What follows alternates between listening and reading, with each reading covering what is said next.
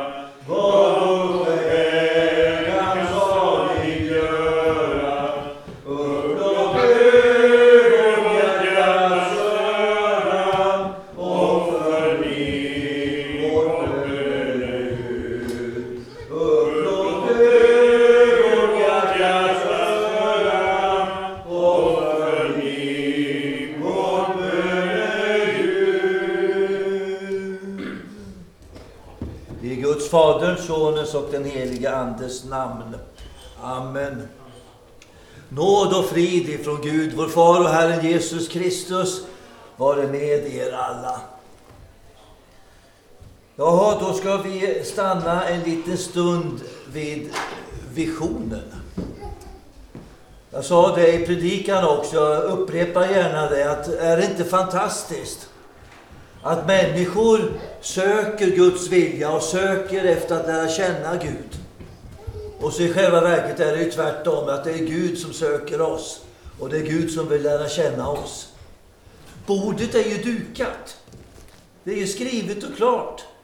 Det finns allting presenterat där för oss. Och vår uppgift är ju då att efter förmåga, efter nåd rättare sagt, kunna tillgodogöra oss det här och, och kanske återspegla det i bästa fall så att andra kan få del av det vi har fått del utav. Jag ska läsa eh, ett statement för er. Nämligen det som står på TV16s, eh, som en sammanfattning på TV16s visioner. Och nu kanske ni tänker att jag bara inte ska läsa hela visionen. Jo, det ska jag göra. Jag ska läsa hela visionen. Så här lyder den, det är nämligen bara en enda mening. Att fler människor ska växa i tro, kunskap och tjänst och få stöd till att ha sitt andliga hem i en lokal församling. Det är ju en fantastisk vision. Den rimmar väldigt bra med, med Guds eget ord. Det är nästan så att man skulle kunna tro att det här var hämtat ifrån något kapitel och vers någonstans i Nya Testamentet. Att fler människor ska växa i tro, kunskap och tjänst och få stöd till att ha sitt andliga hem i en lokal församling.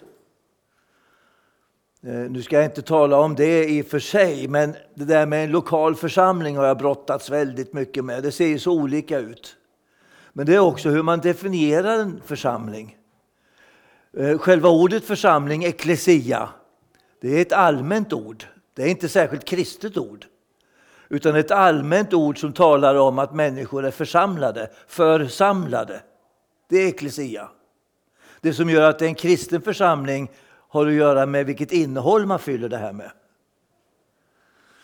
Och eh, när det används i allmän mening så säger Jesus, det var en diskussion där på Jesu tid om hur många man måste vara för att församlade för att det ska bli så att säga en, en, eh, en synagoga som det hette på den tiden, synagoga. Och det var olika bud om den saken men eh, jag tror man stannade vid att det skulle vara tio män som var församlade till att läsa Guds ord och samtala om Guds ord och sjunga och bedja. Det är i det sammanhanget som Jesus säger var två eller tre är synagoge, där är jag mitt ibland dem. Så eh, det behöver inte vara så där väldigt märkvärdigt att det ska omfatta ett stort, stort territorium eller att det ska vara väldigt många människor församlade. Utan det handlar om där han är närvarande. Där är församlingen. Och nu är det alltså inte bara TV16s uppdrag utan det är allas vårt uppdrag att ha Herren Jesus mitt ibland oss och att återspegla det efter förmåga. Jag vill göra som så också eh, att redan från början i det här föredraget får vi väl säga eh, nämna om det självklara, nämligen utgångspunkten. Utgångspunkten för all god teologi, det är Herren själv. Det är där all teologi måste börja. Men vi frestas ju emellanåt att bli som vanliga människor. Vi tänker hur ska vi göra det här och vi drar upp ramarna och vi sätter upp gränserna och vi definierar orden och vi söker oss framåt. Men idag så får vi vända på det. All teologi utgår från Gud själv, det som han har uppenbarat för oss och det som han vill ge oss. Så eh, att Jesus har vunnit seger i sin uppståndelse så är den manifesterad. När han avväpnar andevärldens alla första, som det står där i Kolosserbrevet om jag minns rätt, så, eh, så visar han ju sin, sin seger. Och det är utgångspunkten. Jag prenumererar åtminstone på helgerna på Svenska Dagbladet. Och igår tror jag det var, så var det ett ganska stort uppslag. Jag måste säga det att jag har, jag har märkt en förändrad ton. Inte bara i Svenska Dagbladet utan i media överhuvudtaget. Och eh, nu var det ett helt uppslag igår som handlade om en dansk filosof som heter Sven Brinkman. Vet inte om ni har talat om honom. Och eh, rubriken den löd ungefär så här, jag kommer inte ihåg ordagrant, men jag tror på ödet. Ja, det där lät ju lite skumt då. Och jag läste med, med eh, intresse förstås. Nu kände jag till honom lite grann innan. Så jag, och det är ju så med de flesta rubriker i tidningarna att de är ju rätt skruvade. Men det han menade det var att vi lever i ett väldigt individualistiskt samhälle. Och det gör att, att uppdraget, bördan, hamnar på individerna. Det är alltså individen som ska skapa sin lycka. Det är individen som ska forma sitt liv. Det är individen som ska bli framgångsrik. Det är individen som ska åstadkomma allt möjligt och omöjligt. Ingenting är omöjligt för individen att åstadkomma. Det är vår tids slogan. Och så skriver han då, eller säger han att det där räcker inte. Det stämmer inte. Och vad det han menade med jag tror på ödet. Det finns nämligen så många yttre faktorer som ingen människa rår över. Idag så hann jag inte läsa Svenska Dagbladet. Eh, jag får göra det nu när jag kommer hem. Men jag hann se att i kulturdelen så var det ett stort uppslag en intervju med den här kända skådespelerskan höll på att säga, som försvann, Ann Zacharias. Jag vet inte om ni kommer ihåg henne? Ann Zacharias hon var ju gift med, med Sven-Bertil Taube och hon var, förekom i en del filmer och sånt. Och sen så försvann hon. Alltså i den meningen att hon eh, har inte gjort så mycket eh, i svensk nöjeskultur. Men det var en intervju med henne och det han får med mig, jag ska läsa när jag kommer hem, det han får med mig var att i rubriken så står det att leva är att ha motgångar. Alltså återigen en helt annan ton än vad man har hört tidigare. Och hon berättar där förstås då om sina motgångar och mörkret i sitt liv. Jag nämner det här bara för att visa att tider kan förändras. Och Gud give att människan i allmänhet i vårt land nu får upp ögonen för att vi själva inte formar våra liv enbart. Utan att det finns yttre faktorer som också formar vårt liv. Kanske till och med minst lika mycket som de inre faktorerna. Eh, jag vill ha med det här därför att eh, det här betyder ju att vi ska känna att vi har en yttre faktor in i våra liv i Guds ord. Det finns någonting annat som bestämmer hur jag ska fungera som kristen och vilka värderingar jag ska ha som kristen eller hur jag ska leva som kristen. Det bestämmer jag inte själv, utan det är, upp, det är, eh, det är givet ifrån begynnelsen. Och det här är ju, Eh, om jag kan säga så, både på gott och ont. Jag menar, det är på gott på så sätt att vi kan vara trygga och vi kan ha vägledning. På ont i sådana fall, inte beroende på det här, utan snarare beroende på det som vi kallar för synden i våra liv, att vi är så otillräckliga. Men låt inte den hindra när vi nu har en frälsare. Så eh, det får vara inledningen, det får vara det första som vi tar upp här idag. Att eh, det finns yttre faktorer som är viktiga. Vi behöver inte snickra ihop vår egen värdegrund så att säga, utan den finns här. Det blev väldigt tydligt för mig för några år sedan när jag gjorde en serie bibelstudier över Romarbrevet.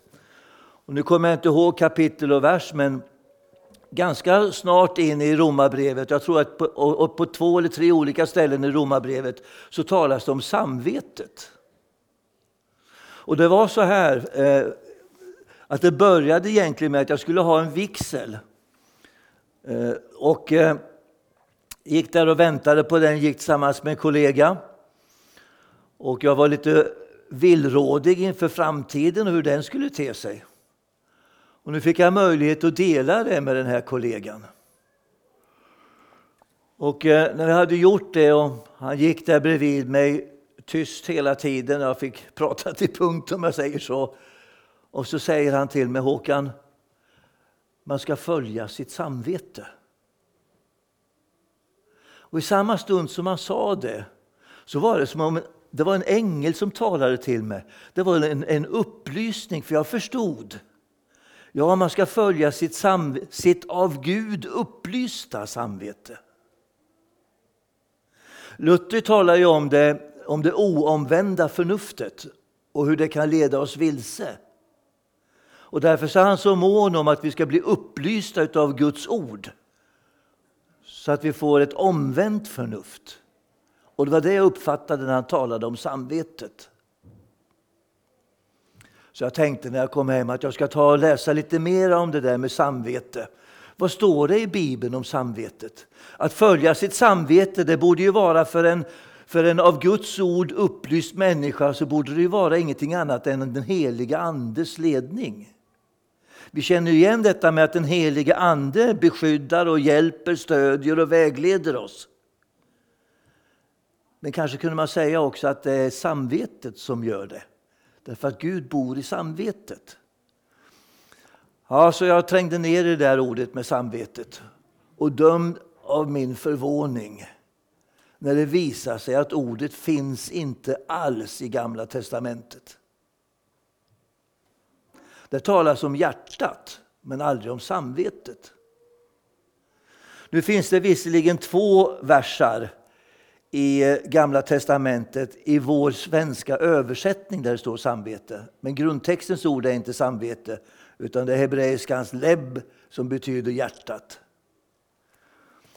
Och då funderar jag vidare, varför finns inte ordet samvete i Gamla testamentet? Och så var det som om det plötsligt stod klart för mig. Nu uttrycker jag mig lite, lite eh, oegentligt kanske på ett sätt, men, men judarna behövde ju inte ha något samvete i den meningen att de behövde ju inte ha någon värdegrund. Det var ju redan givet. Det var inte frågan om att bedöma vad som var rätt eller fel, eller vad som var gott eller ont. Det är ju givet. Det judiska folkets kallelse, det var ju att hålla sig till Guds ord. Inte att själva hitta på Guds ord. Alltså återigen så ser vi hur viktigt det är med det skrivna ordet. Det muntliga ordet finns där förvisso, men det finns också nedtecknat. Och vi har att hålla oss till det, inte att dikta ihop egna tolkningar eller någon egen värdegrund. Det stod till och med, om det var den här Sven Brinkman-artikeln, eh, jag låter det vara osagt, men det stod att, att är man obunden så är man ofri. Alltså genom att vara bunden till Guds ord så får jag egentligen det som är motsatsen, nämligen en väldig frihet. En frihet inom ramarna för Guds ord. Och det är en stor frihet. Men är det, inte, är det inte fantastiskt att höra ifrån människor som själva inte bekänner sig som kristna att vara obunden det är att vara ofri. Man är alltså fångad i sin själviskhet. Eller fångad och bunden, förslavad av tidsandan. Men Gud vare tack, vi är befriade. Om den som hör hans ord och håller sig till hans ord, han ska förstå sanningen och sanningen ska göra honom fri.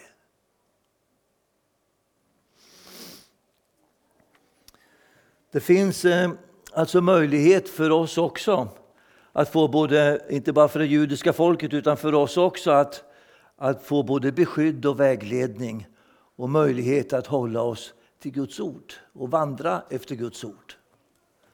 Det är inte som eh, fördomarna säger, att det skulle vara betungande och att det skulle vara snävt och, och att det skulle vara besvärligt på det sättet, utan det är precis tvärtom. Men det finns en annan tes som jag vill lyfta upp också. Och det är det här att Paulus har ju många förmaningar i sina brev. Och man kan uppfatta Jesu undervisning också som väldigt eh, Eh, fylld med förmaningar om vad man ska göra och vad man inte ska göra. Och här är det ju så att, att de där förmaningarna de ska man betrakta som tillämpningar av evangeliet. Man ska betrakta det som, som praktiker som man kan utöva eller ska utöva. Som ett erbjudande, om du vill. När Paulus skriver sina förmaningar så är den grundläggande principen alldeles uppenbar. Han säger så här nämligen. Nu har Gud gett er frälsningen. Han har gett er evangeliet. Och så kommer förmaningen då, eller tillämpningen. Så lev i enlighet med det. Men vet, människor som bara läser förmaningen, vad man ska göra eller vad man inte ska göra, men inte ser vad man först har tagit emot eller vad, vad han har gjort för oss till en början, kommer ju helt fel. Då hamnar man ju direkt under lagen. Vad jag ska göra och vad jag inte ska göra. Så evangeliet och mottagandet av evangeliet är är primärt. Och nu så vill jag knyta an till den där visionen som TV16 har som lyder så här. Att fler människor ska växa i tro, kunskap och tjänst och så vidare. Filipperbrevet som jag har jobbat med det sista halvåret. Där står det i inledningen, Filipperbrevet 1, vers 9. Min bön är att er kärlek ska överflöda mer och mer. Och då vet vi ju det att kärlek det är inte att vi har älskat Gud utan återigen det är att han har älskat oss. Att vi tar emot Guds kärlek mer och mer, att den får överflöda i våra liv. Att försoningen och reningen och anden får överflöda i ditt och mitt liv. Det är ju grundförutsättningen för att vi också ska kunna älska varandra.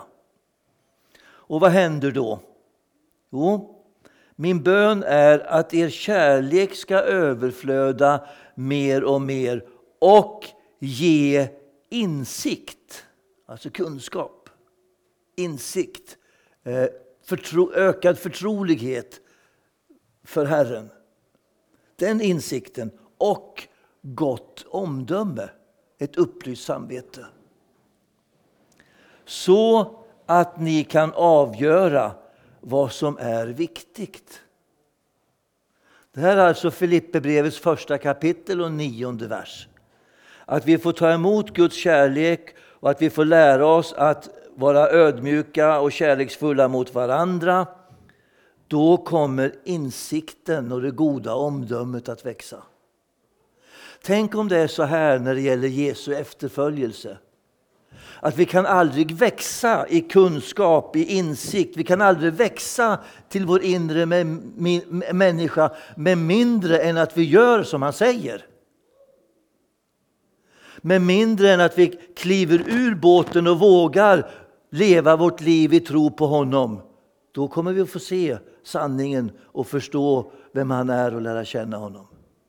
Men så länge vi sitter kvar så att säga i båten så länge vi inte vågar ta stegen så förblir vi, om inte förkrympta, så blir vi i alla fall, vi expanderar inte. Vi lever inte fullt ut. Men att leva fullt ut i tron på Herren Jesus Kristus, det ger insikt och gott omdöme. Vi kommer att lära känna honom. Vi kommer, vi kommer att märka, jag har egen erfarenhet och säkert din erfarenhet också, att när vi, när vi vill följa Herren, leva med Herren, så kommer vi att märka, om inte annat, när vi gör fel. Samvetet kommer till uttryck. Det är också ett sätt för Gud att vägleda oss. Det är alltså möjligt, menar jag, att leva vänd mot Gud, att odla det inre livet. Att undanröja hinder och odla det inre livet med Herren. Och kanske är det bara på det sättet vi också kan påverka andra. Vi kan ju vara de yttre faktorerna för andra människor. Andra människor, ja de ska jobba på sitt. Och andra människor de ska förverkliga sina liv, men de kan inte göra det utan yttre faktorer. För de kommer ständigt vara påverkade av media, av tidsandan eller av oss. Det är en kallelse hos oss att påverka andra. Och då menar jag inte negativt som du förstår, även om det kan låta så. Nej, jag menar att vi ska sprida evangeliet. Tiden är inne, Guds rike är här. Omvänd er och tro evangelium. Det finns ett eh, känt uttryck som jag också vill ha med. Och Det är uttrycket ora et labora. Ni känner till det, bed och arbeta. Det kan inte vara bara att be. Det måste också vara att arbeta. Och jag eh, eh, googlade upp det där uttrycket ora et labora för jag ville ha det i sitt sammanhang. Ni kanske känner till det, men, och jag har väl hört det någon gång tidigare men hade det inte aktuellt. Men det här är alltså benediktinerregeln, benediktinerklostrens regel eller motto. Och det lyder så här. Ora et labora, Deus adest sinemora. Benediktus av Nursia han levde 480 till 543 efter Kristus. Han är ju alla klosters fader på något sätt. Och eh, det här betyder ora et labora deus adest sine mora. Bed och arbeta, Gud kommer utan dröjsmål. När vi vänder oss emot Gud, inte bara i gudstjänst eller i bön, utan med vårt arbete, så är Gud närvarande utan dröjsmål. Är det inte ett fantastiskt ord?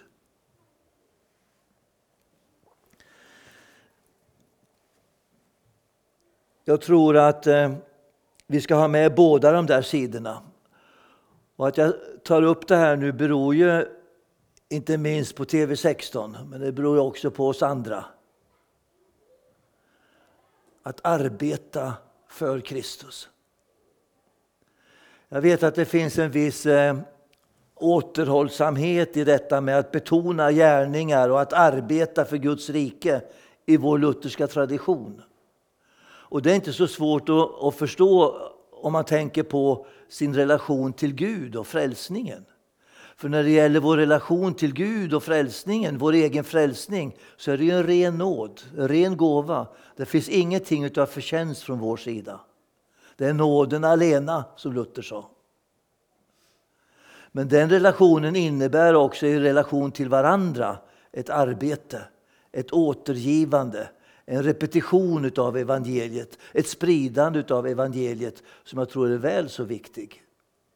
Kanske till och med att de här två rörelserna i en mening ligger väldigt nära varandra, för att inte säga att de hör ihop. Två sidor av samma mynt. Att arbeta för Kristus är alltså angeläget. Jag kanske till och med skulle säga så här. Att detta att vara vänd emot Gud och det kan jag ju säga lite extra eftersom jag är prästvigd, eller som Simon här nu, när vi arbetar så att säga i, Guds, i Guds tjänsten på heltid, att också det är ett arbete. Ibland kan man höra det att bönen är ett arbete. Ja, det är det ju förvisso.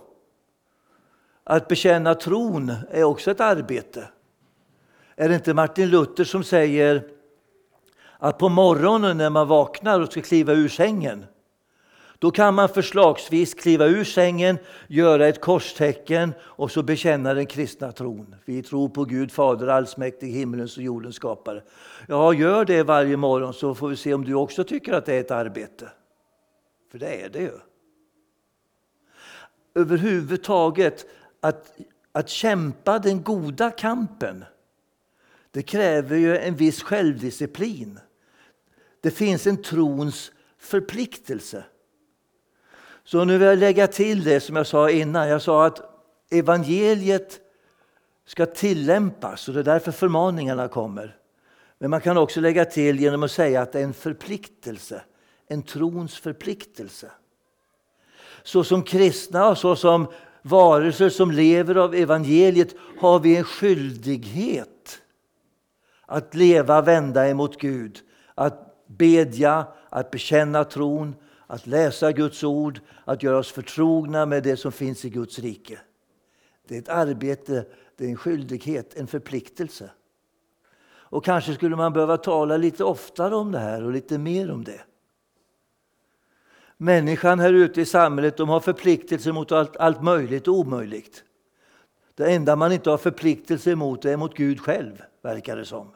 Och så kan det inte få vara i våra sammanhang. Vi lever vända emot honom. Eh, kanske ska säga någonting om, eh, ge exempel då i anslutning till TV16. Det är ju så att jag var ju med om en svår olycka för några år sedan och eh, har förstått sedan dess att livet kan ta slut väldigt snabbt. Och när man överlever så frågar man sig själv vad ska jag göra med resten av mitt liv? Kanske har det lite grann med ålder att göra också. När man börjar bli så gammal som jag. Då reflekterar man över sitt liv och tänker vad ska jag göra med mitt liv? Och för mig stod det väldigt klart att eh, jag ville lämna efter mig någonting av allt det som Gud har gett mig genom åren. Jag sa det till Viktor, vår äldste son. Viktor, jag skulle, vilja, jag skulle vilja ha en bibelskola, för jag har haft det tidigare. Jag skulle vilja ha en bibelskola och vi pratade om det och jag la fram det för honom och sa så här, men jag ser inte hur det ska vara möjligt. Hur ska vi kunna samla? För det första ska det finnas ett innehåll, det ska vara lärare, det ska eh, anmälas till studieförbund, det ska skaffas en lokal, det ska läggas schema, det ska marknadsföra, man ska samla folk och så vidare. och så vidare. Jag känner att jag orkar inte detta en gång till. Ja, men pappa, så ska du inte tänka. Du måste ju ut på nätet, förstår du väl? Ja, ut på nätet, hur då menar du? Och så börjar vi prata. Ja, du ska ut på nätet, då kommer du att nå hela världen. Och du ska ut på nätet, det ska vara korta lektioner, tio minuter, för mer orkar inte folk när de sitter på bussen eller tunnelbanan eller någon annanstans. Och så ska det vara gratis. Ut med ordet! Och vem kan stå emot en sån kallelse? Så vi började arbeta på det. Och då hade vi inte något TV16. Sen hittade vi TV16 och varandra. Så nu ligger det där. Men det ligger också på Youtube. Och då är det som så att, att på internet så kan man klicka så att man blir prenumerant. Eller som jag säger till Viktor, man blir bibelskoleelev. Jag föredrog det där för övrigt för, för en folkhögskola, en kristen folkhögskola som jag inte ska nämna vid namn. Och de tyckte väl det var bra förstås, men de insåg att det här nya sättet att arbeta och verka på, det motverkade ju deras idé om att samla folk. Så det blev ingen framgång där. Men de tyckte det var väldigt bra annars. Och inte minst för äldre människor som kanske inte kan ta sig till kyrkan. Så är det ju fantastiskt. Det har ju visat sig nu också under pandemin att, att internet har kommit väl till pass när man inte har kunnat samlas i kyrkorna. Jag tror i och för sig att det här är en, eh, på ett sätt en, eh, det är inte den bästa lösningen, utan den bästa lösningen är att träffas på det här sättet.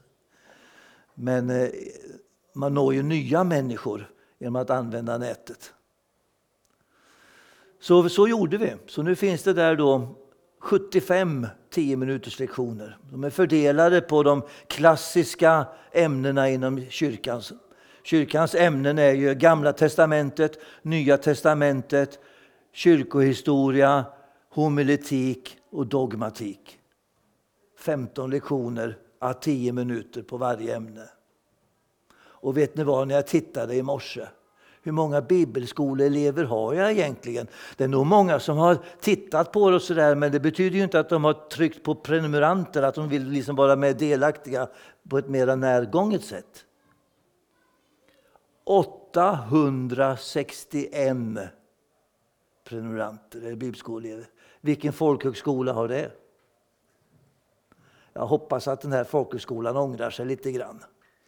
Nej, det gör jag kanske inte. Jag hoppas att de har framgång på sitt sätt. Men det visar ju ändå att ska vi sprida Guds ord så får vi också räkna med att få göra arbetsinsatser och hjälpas åt. Alla kan inte vara bibellärare, men några kan vara tekniker och andra kan vara sponsorer och så vidare. Alla kan bidra på olika sätt. Nu har jag en tanke till, ett annat exempel. Jag har två exempel på eh, projekt, höll jag på att säga. Det är inte projekt, utan det är ju, det är ju att man lägger ut man lägger ut ett redskap helt enkelt. Och det vill jag gärna nämna här, särskilt ifall det är någon från, ja någon, det är väl flera hoppas jag, från TV16 som tittar på det här. Så skulle jag vilja säga så här till TV16 och till er som arbetar med och stödjer TV16. Att jag tror att den kristna ljudboken har en framtid. Det har ju visat sig att ljudböcker har vuxit i spridning. Det är många som lyssnar på, man, man prenumererar på vad de nu heter, Bookbeat och Storytel och allt vad det heter för något. Och där får man plötsligt tillgång till tusentals böcker som är intalade och så laddar man ner dem mot en enkel kostnad. Men det finns ingen kristen ljudboksorganisation. Eh, jag tror att det är någonting som kommer att komma och som kan vara ett nytt sätt att nå ut till nya människor med evangeliet. Ja, så är det ett, ett exempel till. Då har jag pratat en hel del med, med Simeon Appell. Simeon Appell och jag vi, vi ingår i, eller till och med utgör det som kallas för församlingsplanteringsutskott inom missionsprovinsen. Så att vårt uppdrag är ju att eh, bilda nya församlingar. Och då menar jag i första hand små församlingar. Eh, det vore, det vore härligt om de blev fler än två eller tre stycken, men det skulle kunna vara två eller tre stycken. Det är helt beroende av innehållet. Men vi har fått presentera det här för missionsrådet då inom missionsprovinsen. Och eh, i all korthet så går det ut på att när en människa kommer till tro, då befinner hon sig på punkt A. Men när hon är kommit till tro så ska hon ju växa i tro och insikt och gott omdöme. Hon ska alltså ta sig till punkt B. Och då när jag kommer i kontakt med församlingar runt omkring så frågar jag, har ni någon pastoral? Har ni något material? Har ni överhuvudtaget några tankar om hur man hjälper en människa från punkt A till punkt B? Nej, det har man inte. Och det här är ju, det kanske att ta till stora ord, men det, det är ju nästan skandalöst. Om människor kommer till tro och vill lära känna Gud så måste vi kunna visa vägen för dem. Så det är min, min eh, dröm att vi skulle kunna ta fram ett koncept, ett material som gärna kan läggas ut på internet som hjälper en människa från punkt A till punkt B. Jag har faktiskt ett, ett sånt material, men det skulle behöva nyskrivas. Men jag har inte sett det i något annat sammanhang, om jag ska vara ärlig. Skörden är mycken, men arbetarna är få, sa Jesus. Vi behöver hjälpas åt. Jag nämnde om eh, Jakobs brev. Jag ska inte hålla på så mycket längre än så här, men Jakobs brev har ju varit misstänkliggjort i kyrkohistorien. Och det har varit misstänkliggjort av det enkla skälet att det talas så väldigt mycket om gärningar. Och inte minst Martin Luther var ju väldigt kritisk till, eh, till Jakobs brev just av det skälet. Du vet den stora upptäckten som Martin Luther gjorde, det var ju att man blev, fick rättfärdiggörelsen som en gåva ifrån Gud genom tron alena. Utan någon yttre förtjänst. Det var hans stora upptäckt. Och sen uppfattade han Jakobs brev som en inlaga emot denna upptäckt. Och han visste ju att Jakob, Herrens bror i Jerusalem, inte bara var jude utan hade den här judiska tron och traditionen att görandet, att hålla fast vid Tora, att hålla fast vid lagen och instruktionerna och leva efter dem som jag sa inledningsvis, det var det viktiga och det skriver han om i Jakobs brev. Men det var svårt för Martin Luther att, att tillgodogöra sig det där, för det blev som en motsättning.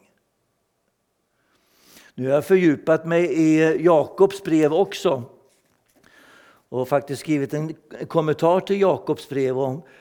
Det var ju en stor utmaning för mig, men det första jag upptäcker är att, nu kommer jag inte ihåg exakt antalet gånger som ordet tro förekommer, men eh, ordet gärningar förekommer, jag vill minnas ungefär 20 gånger.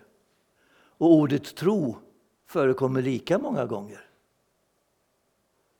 Sen visar det sig också, vilket kan numera, i alla fall i mina öron, låta som en självklarhet, att Jakobs brev är ju skrivet före Paulus.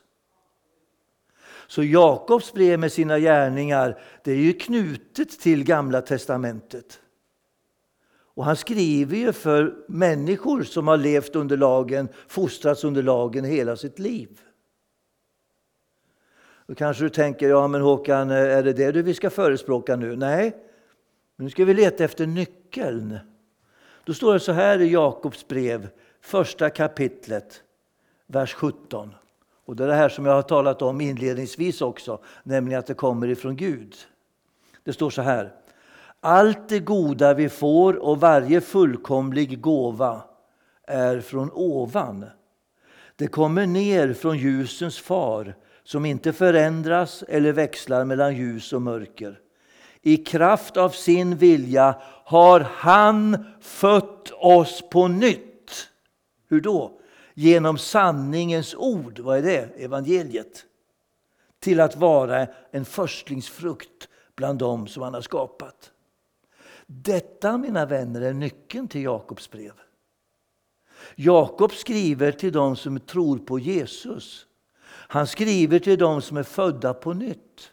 Han skriver till dem som är kristna och som lever i gemenskap med Herren. Det som vi, eller Luther, uppfattade mycket som gärningar, det är tillämpningar. Det, det är sättet att leva ut det sätt som de hade, de judekristna på den tiden. Och det motsäger inte någonting av den kristna tron. Jag tror att det där får vara inledningen nu på avslutningen. Att det helt avgörande, det sker alltså här inne i våra hjärtan. Hur uppfattar vi livet? Vi hörde det i skriftemålet tidigare. Vi delar in det i gott och i ont och så vidare. det är hur vi uppfattar det. Det är här inne, det nya hjärtat, den nya livsinriktningen, det nya livsinnehållet, den nya livskvaliteten, livsmålet som avgör hur vi uppfattar saker och ting runt omkring oss. Och då är det till och med som så, som vi hörde i episteltexten idag, att när Paulus ser på förföljelser och svagheter och misshandel så tackar han Gud. Därför att han vet att allt det där driver honom närmare Kristus. Gör honom mer beroende av Kristus. I bästa fall kanske påskyndar hans himmelsfärd. Föreningen, den slutliga föreningen med Kristus. Det finns ingenting i dina eller mina motgångar som skulle kunna hindra oss eller hindra Kristus från att fortsätta älska oss och låta oss vara förenade med honom. Håll det för idel glädje när ni kämpar med allehanda prövningar, står det i skriften. För ni vet ju att det verkar uthållighet och ni vet ju att det verkar renande, luttrande och ni vet ju att det leder er till fullkomlighet. Filipperbrevet som jag sa. Ja, Paulus satt i fängelse när han skrev det. Förmodligen i fängelse i Efesus. Och eh, han visste inte om han skulle komma ut ur fängelset för att det hängde ju dödsdom över honom. Ändå så kallas Filipperbrevet för glädjens brev. Han säger att, att han dras åt båda hållen. Han säger att, eh, att, eh, eh, att det spelar liksom ingen roll om han dör eller lever, bara han hör Herren till. Jag tror jag ska läsa för er Filipperbrevets första kapitel, vers 12, 13 och 14. Jag vill att ni ska veta, bröder och systrar, att det som har hänt mig Alltså detta med dödsdomen och fängelset. Det har snarare lett till framgång för evangeliet. Det har nu blivit klart för hela pretoriet och alla de här romerska soldaterna han var omgiven av. Att det är för Kristi skull jag sitter fängslad. Och min fångenskap har gjort de flesta av bröderna och systrarna så övertygade i Herren att de vågar predika Guds ord ännu mer oförskräckt. Det är väl så att när svårigheter och nöd drabbar en kristen människa så blir det en inre samling och det blir ett närmande till Gud. Bönen, ropet, för att inte tala om den nåd det är att ta emot sakramentet och ta emot all den nåd som Gud ger att vi bara ska tro och leva på det sättet, det är en villfarelse. Vi ska också arbeta. Vi ska också arbeta, växa i insikt, gott omdöme så vi kan avgöra vad som är Guds vilja och så hjälpas åt att sprida Guds ord och Guds vilja. Jag ska åka hem och läsa den där intervjun med Ann Zacharias men jag hann ju förstå så pass mycket att den tolkningen var inte given för henne. Utan det talas om mörker, motgångar och mörker, att livet är tungt. Ja, livet kan vara tungt på grund av synden. Men det kan aldrig vara meningslöst eftersom det finns en utgång där genom synden.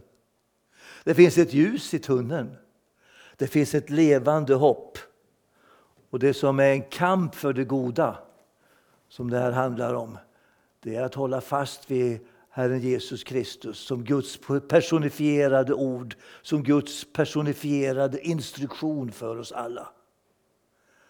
Här tillgiver Gud sin nåd och välsignelse till var och en. Amen. Låt oss be. Herre, så tackar vi dig för att du har uppenbarat dig själv för oss. Vi tackar dig att vi får tillhöra dig. Herre, föröka nåden i vår nöd. Låt oss få se ljuset i tunneln allt klarare och tydligare. Stärk vår längtan efter att fullkomnas i dig. Amen.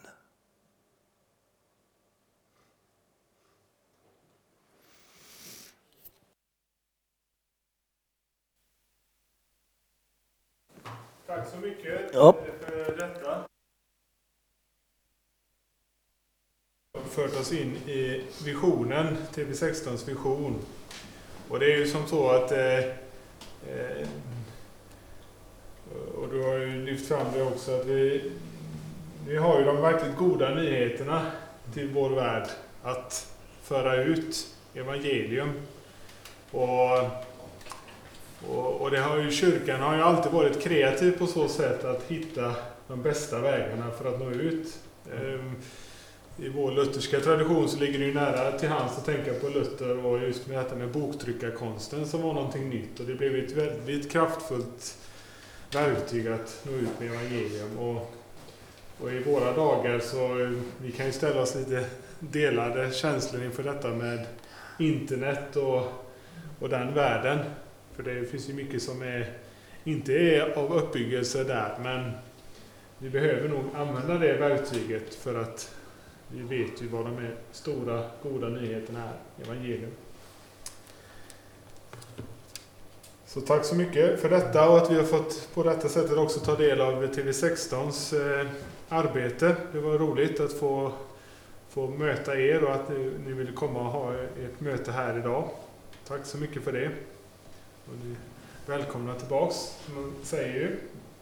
Och eh, jag tänkte att vi, innan vi, vi skiljs åt här nu i eftermiddag så kunde vi avsluta med eh, den så att säga, klassiska avslutningssalmen, vers, psalm 77 i psalmboken, vers 3.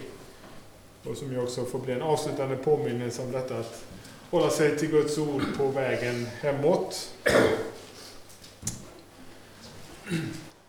Dagar kom